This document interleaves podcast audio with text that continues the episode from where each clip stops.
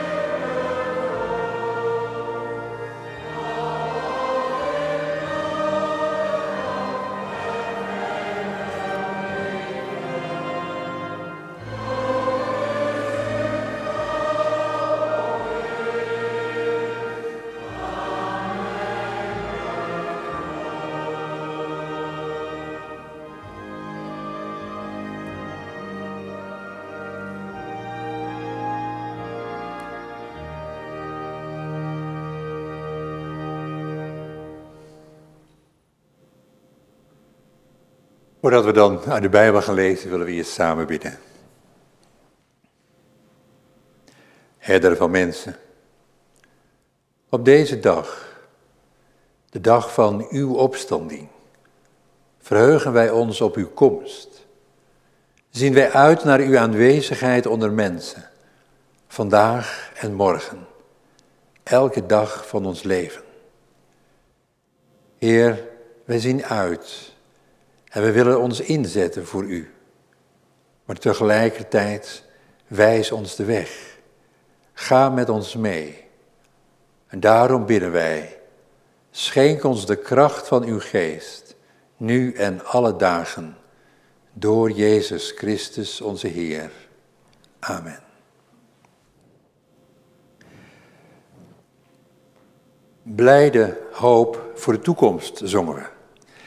En in alle tijden heeft het volk Israël en de leerlingen steeds geleefd met de belofte van God dat we ergens naar onderweg zijn.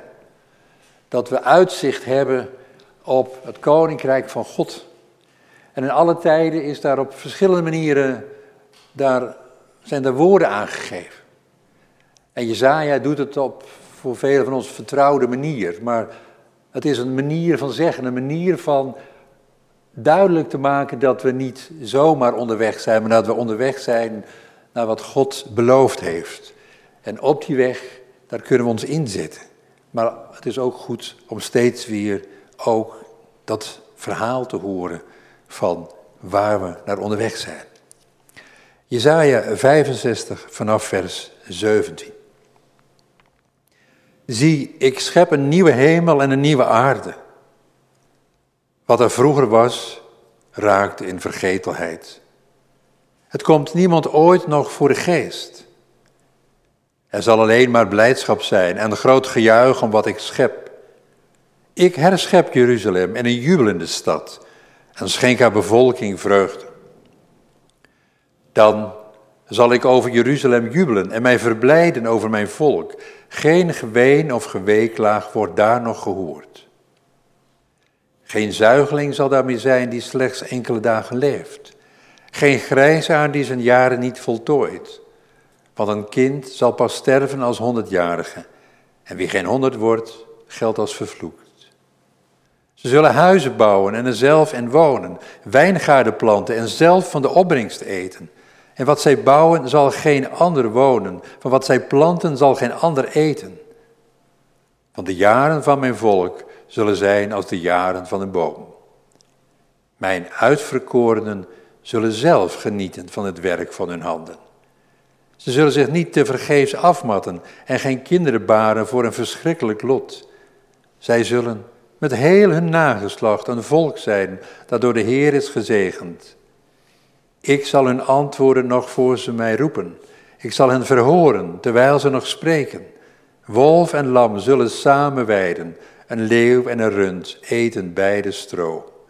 En een slang zal zich voeden met stof. Niemand doet kwaad. Niemand sticht onheil. Op heel mijn heilige berg, zegt de Heer.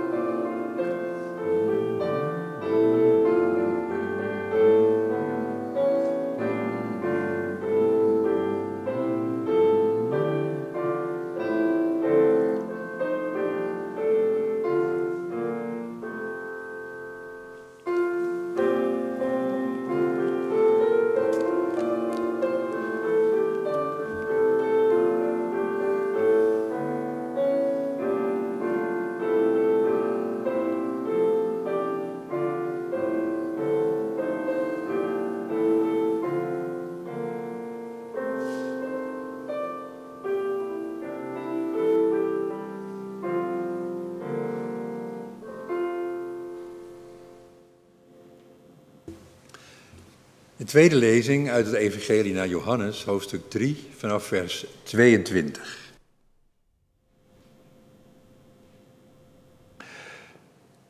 Daarna ging Jezus met zijn leerlingen naar Judea. Daar bleef hij enige tijd en hij doopte er. Johannes doopte toen ook in Enon, dicht bij Salem, een waterrijk gebied. Daar kwamen de mensen naartoe om zich te laten dopen. Johannes was immers nog niet gevangen gezet. Er ontstond een discussie tussen de leerlingen van Johannes en een Jood over het reinigingsritueel. Ze gingen naar Johannes en zeiden tegen hem: Rabbi, de man die bij u aan de overkant van de Jordaan was, over wie u een getuigenis afgelegd hebt, is aan het dopen en iedereen gaat naar hem toe. Johannes antwoordde: Een mens kan alleen ontvangen wat hem door de hemel gegeven wordt. Jullie kunnen van mij getuigen dat ik gezegd heb: Ik ben de Messias niet, maar ik ben voor hem uitgezonden. De bruidegom krijgt de bruid. De vriend van de bruidegom staat te luisteren en is blij dat hij de stem van de bruidegom hoort. Dat vervult mij met grote vreugde. Hij moet groter worden en ik kleiner.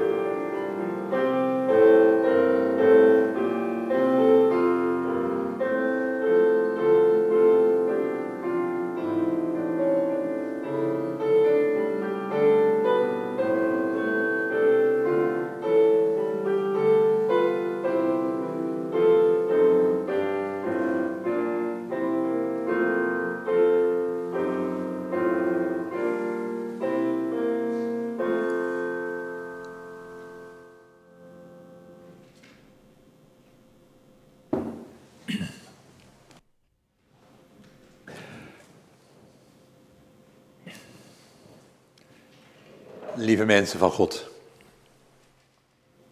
Dat laatste zinnetje. Hij moet groter worden en ik kleiner.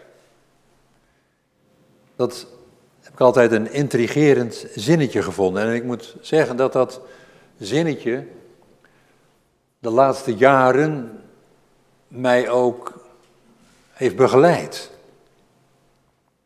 Dat heeft natuurlijk alles te maken met mijn leeftijd en wat de psycholoog Erikson noemt de zevende ontwikkelingsfase.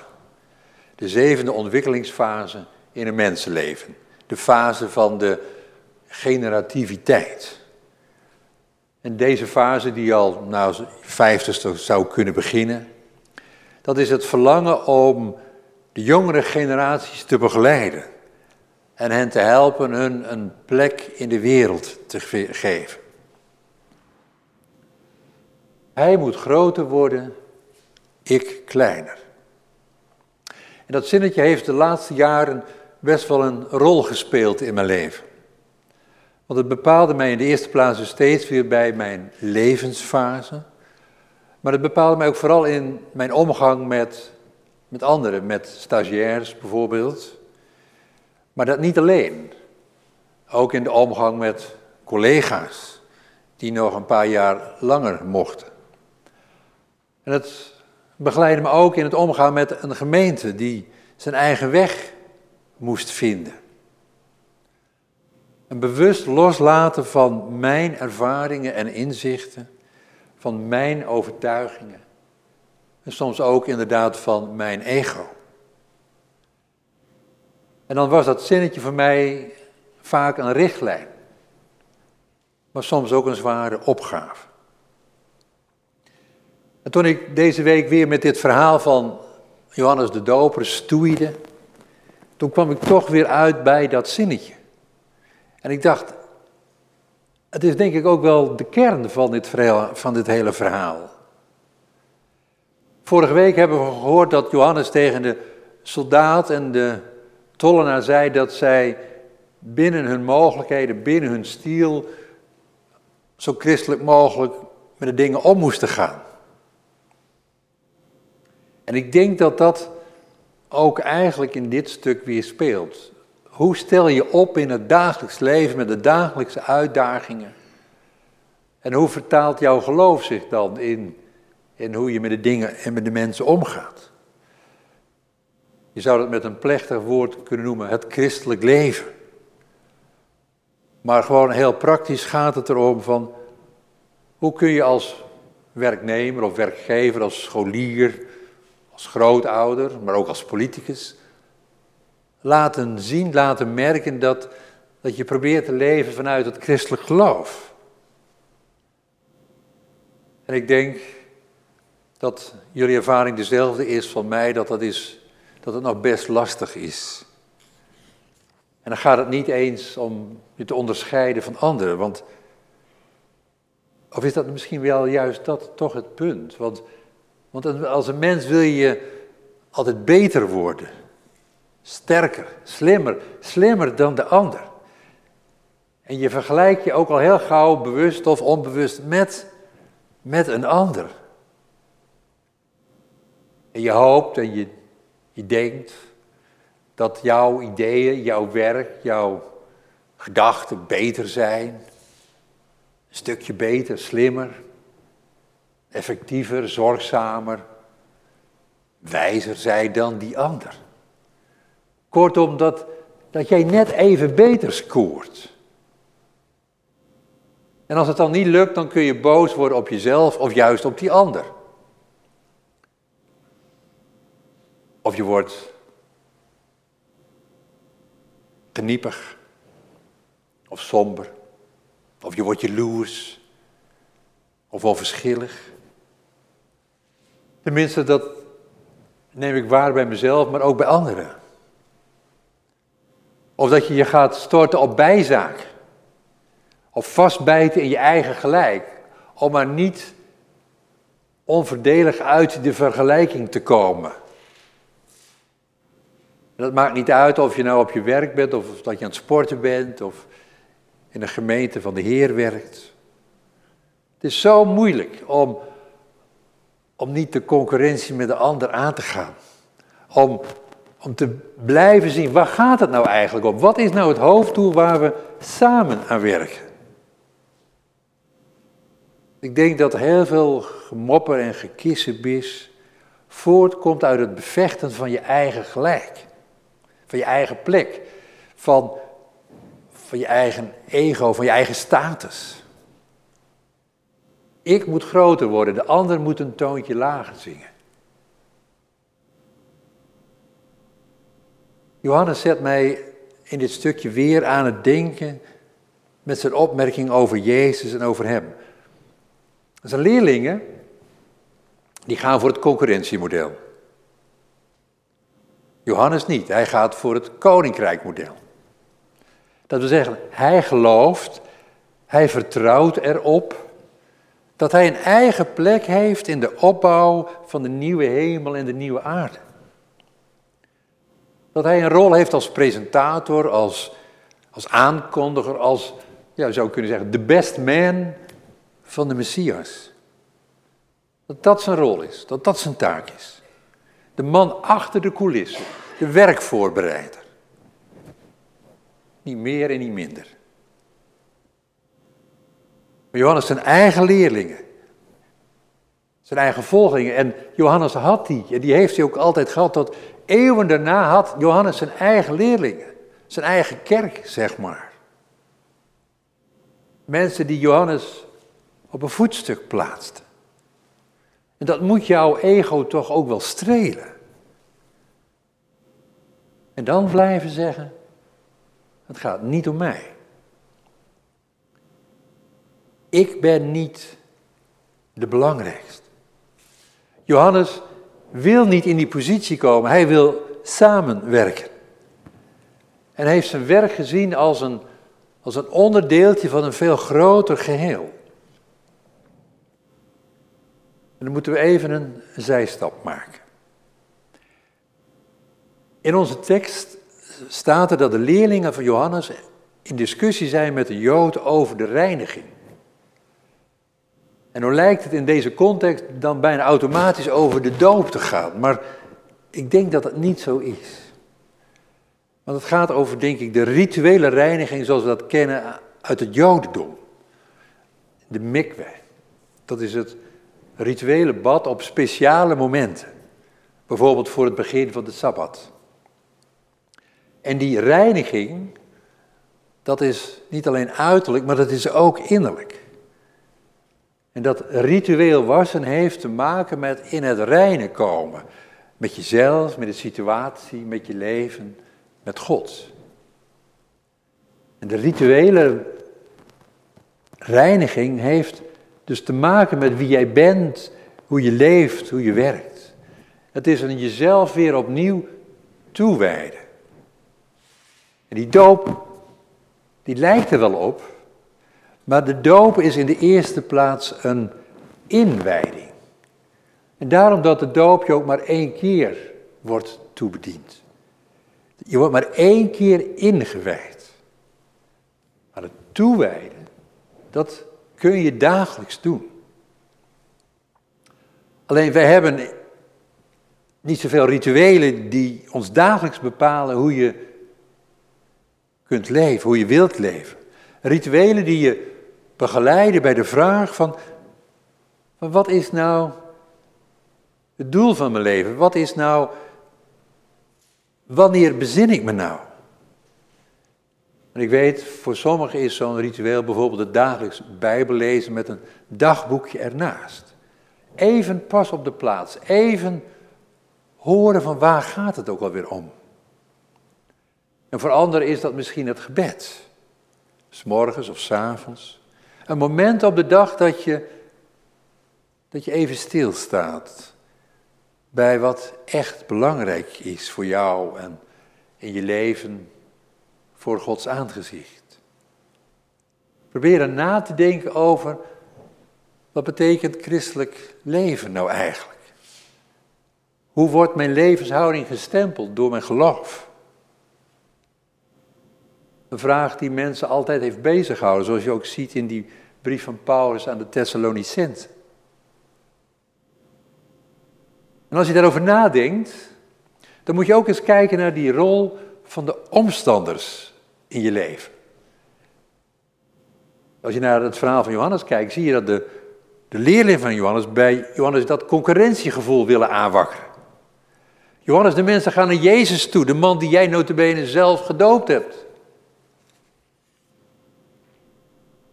Wij plaatsen Johannes en zijn werk niet in het grote heel van, van Gods toekomst. Niet in Gods streven naar het koninkrijk van vrede en recht. Maar niet omdat ze slechte bedoelingen hebben. Zijn leerlingen hebben de beste bedoelingen met Johannes. Want Johannes is hun leermeester. En ze willen het allerbeste, het allerhoogste voor hem. En dat willen wij vaak ook graag voor de mensen die ons lief zijn. Laat niet over je heen lopen, joh. Kom voor jezelf op. Jij met jouw talenten, met zoveel ervaring, met zoveel kennis en kunde.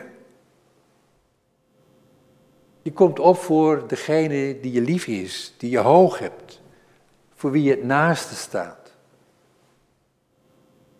Het is zo menselijk, maar is dat ook altijd het beste? En dan ook nog de vraag, voor wie is dan het beste? Het beste voor de ander of het beste voor het koninkrijk van God. En natuurlijk, ieder mens heeft mensen om zich heen nodig die, die jou bevestigen, die jou steunen, die jou dragen. Mensen die je waarderen en dat ook zeggen. Maar diezelfde mensen kunnen je ook opzwepen. Kunnen je ook je jaloezie aanwakkeren. Kunnen je ook doen vergeten wat jouw taak is, wat jouw talent is, wat jouw opdracht is. Mens kan alleen ontvangen wat hem door de hemel gegeven wordt, zegt Johannes. Dat is denk ik een omslagpunt in dit stuk. Het, is, het geeft ruimte en het geeft geborgenheid. Het geeft ruimte omdat je mag doen wat jou gegeven is. En het geeft geborgenheid omdat je niet hoeft te doen wat echt niet bij jou past. Uit zo'n zin spreekt voor mij het geloofsvertrouwen dat ieder mens zijn taak, zijn bestemming heeft, op zijn of haar plaats. En je kunt je in je leven van alles toe-eigenen. En je kunt je veel beter voordoen dan je bent. En mensen kunnen je daar ook nog in stimuleren en zeggen, dat moet je doen joh, fantastisch. Maar Johannes voorkomt die kramp en misschien wel die spagaat door te blijven wie hij is. Hij is de mens die de weg voorbereidt voor de Messias. En hij is gewoon op zijn plek in de woestijn, bij de bron. We leven in de tijd van Advent, de tijd van voorbereiding, van bezinning. Met vragen als waar maak ik me druk om? Waar maak ik me bezorgd om? Maar ook vragen als waar gaat het nou om? Waaraan besteed ik nou mijn meeste energie? Welke gaven heb ik nou ontvangen? En wat is nou mijn ding? Wat, wat hoort nou echt bij mij? En waar word ik dan door God geroepen op dit moment, nu? Nee, niet morgen of overmorgen, vandaag. En wie bepaalt uiteindelijk wat ik doe? Is, ben ik dat zelf? Zijn dat mijn vrienden? Mijn collega's? Is dat God? Of wordt dat ook bepaald door de mate van succes die ik heb? Word ik daardoor opgejaagd, door, voortgedreven? Advent kan naast alle andere voorbereidingen een tijd van voorbereiding zijn, van bezinning op Gods bedoeling met onze wereld, met deze samenleving. Zoals we dat ook in Jezus hebben leren kennen. Want hij doopte met water en met geest. Hij wijde zich aan de minste mensen. Hij was een heel ander dan Johannes. Had een andere focus. Had een andere werkwijze. Maar ze werkten samen binnen het koninkrijk van God. En zijn geestkracht, zijn geestdrift kan ons nog steeds inspireren op onze eigen weg. Want hij heeft ons ingewijd in de geheimen van het koninkrijk, waar het om gaat in het leven. En hij daagt ons vervolgens uit om ons daaraan elke dag weer te wijden. Gewoon in jou en in mijn dagelijks leven. Door onze levenshouding. Door onze omgang met elkaar. Door hoofd- en door bijzaken te onderscheiden. Want zelfs als die hoofdzaak een kleine taak is in de ogen van mensen, het hoeft niet klein te zijn in de ogen van God. Beseffen dat het niet gaat om, om mijn ego over onze ego. Dat het niet gaat om mijn succes of ons succes, denk ik. Maar dat het gaat om, om je plek die je van God gekregen hebt en die je mag vormgeven op de manier die bij jou past. Kijk maar naar Johannes. Kijk maar naar Jezus. Hier in ons dagelijks bestaan wordt ons geloof geloofwaardig. Als wij stap voor stap op weg durven gaan naar het feest van God. Mogen het zo zijn. Amen.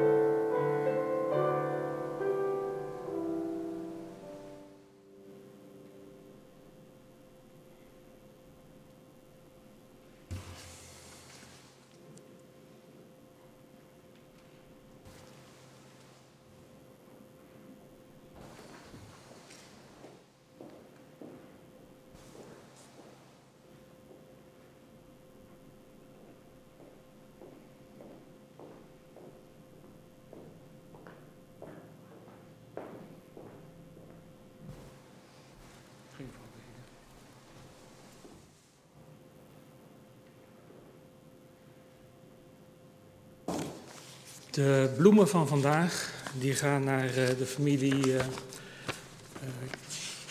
ik dacht dat we het uit mijn hoofd konden zeggen, maar Kleinnagelvoort, sorry.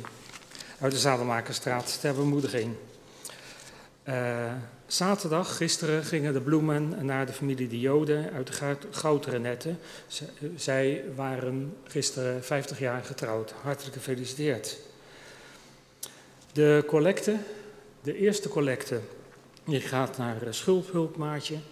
Juist in deze tijd komen mensen, meer mensen in financiële problemen.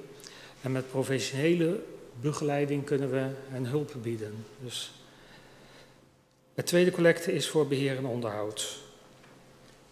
Uh, na de dienst kunt u uw gaven geven in de verschillende, in de hal en achter in de kerk.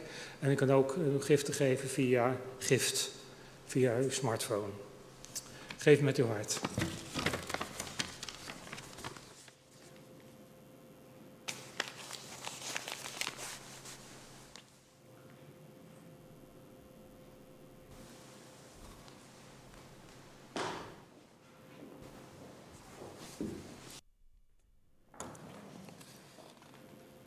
Zullen we dan samen danken en bidden en ons gebed afsluiten met een gezamenlijke Onze Vader.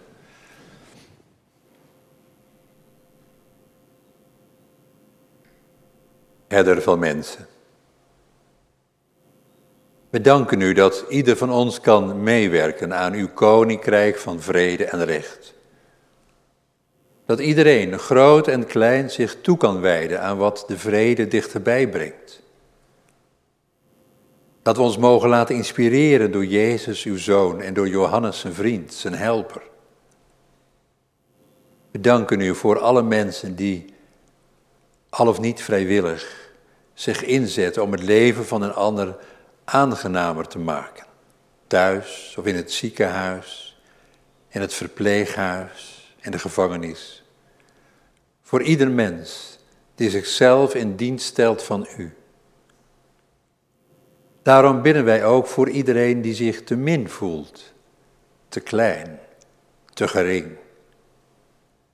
Voor ieder van ons die bang is om door zijn vrienden uitgelachen te worden. Voor iedere man en vrouw die zich inzet, maar van wie de daden niet worden gezien. We bidden u voor de leden van onze gemeente Vrijwilligers die zich inzetten voor uw kerk, soms al jarenlang, maar er niet altijd waardering voor ontvangen. Juist van hen voor wie zij zich inzetten. Laat hen ervaren dat u hen, zit, hen ziet, hun doorzettingsvermogen, hun volharding, hun trouw. We bidden u ook voor de mensen die veel te veel doen, voor wie hun inzet verslavend is geworden, die niet meer nee durven zeggen en voor hen die geen onderscheid kunnen maken tussen hoofd- en bijzaken en alleen maar druk zijn, zonder tot iets te komen. We bidden u voor ieder die een geliefd mens heeft verloren, die ondervindt dat rouwen hard werken is. Voor alle zieken in onze gemeente, thuis in het verpleeghuis of in het ziekenhuis voor hun familie en vrienden. Laat hen niet alleen met zichzelf en wees aanwezig in hun leven, in hun pijn soms. Heer, wij bidden u en leggen u voor wat er leeft in ons hart. Hoor de stille gebeden.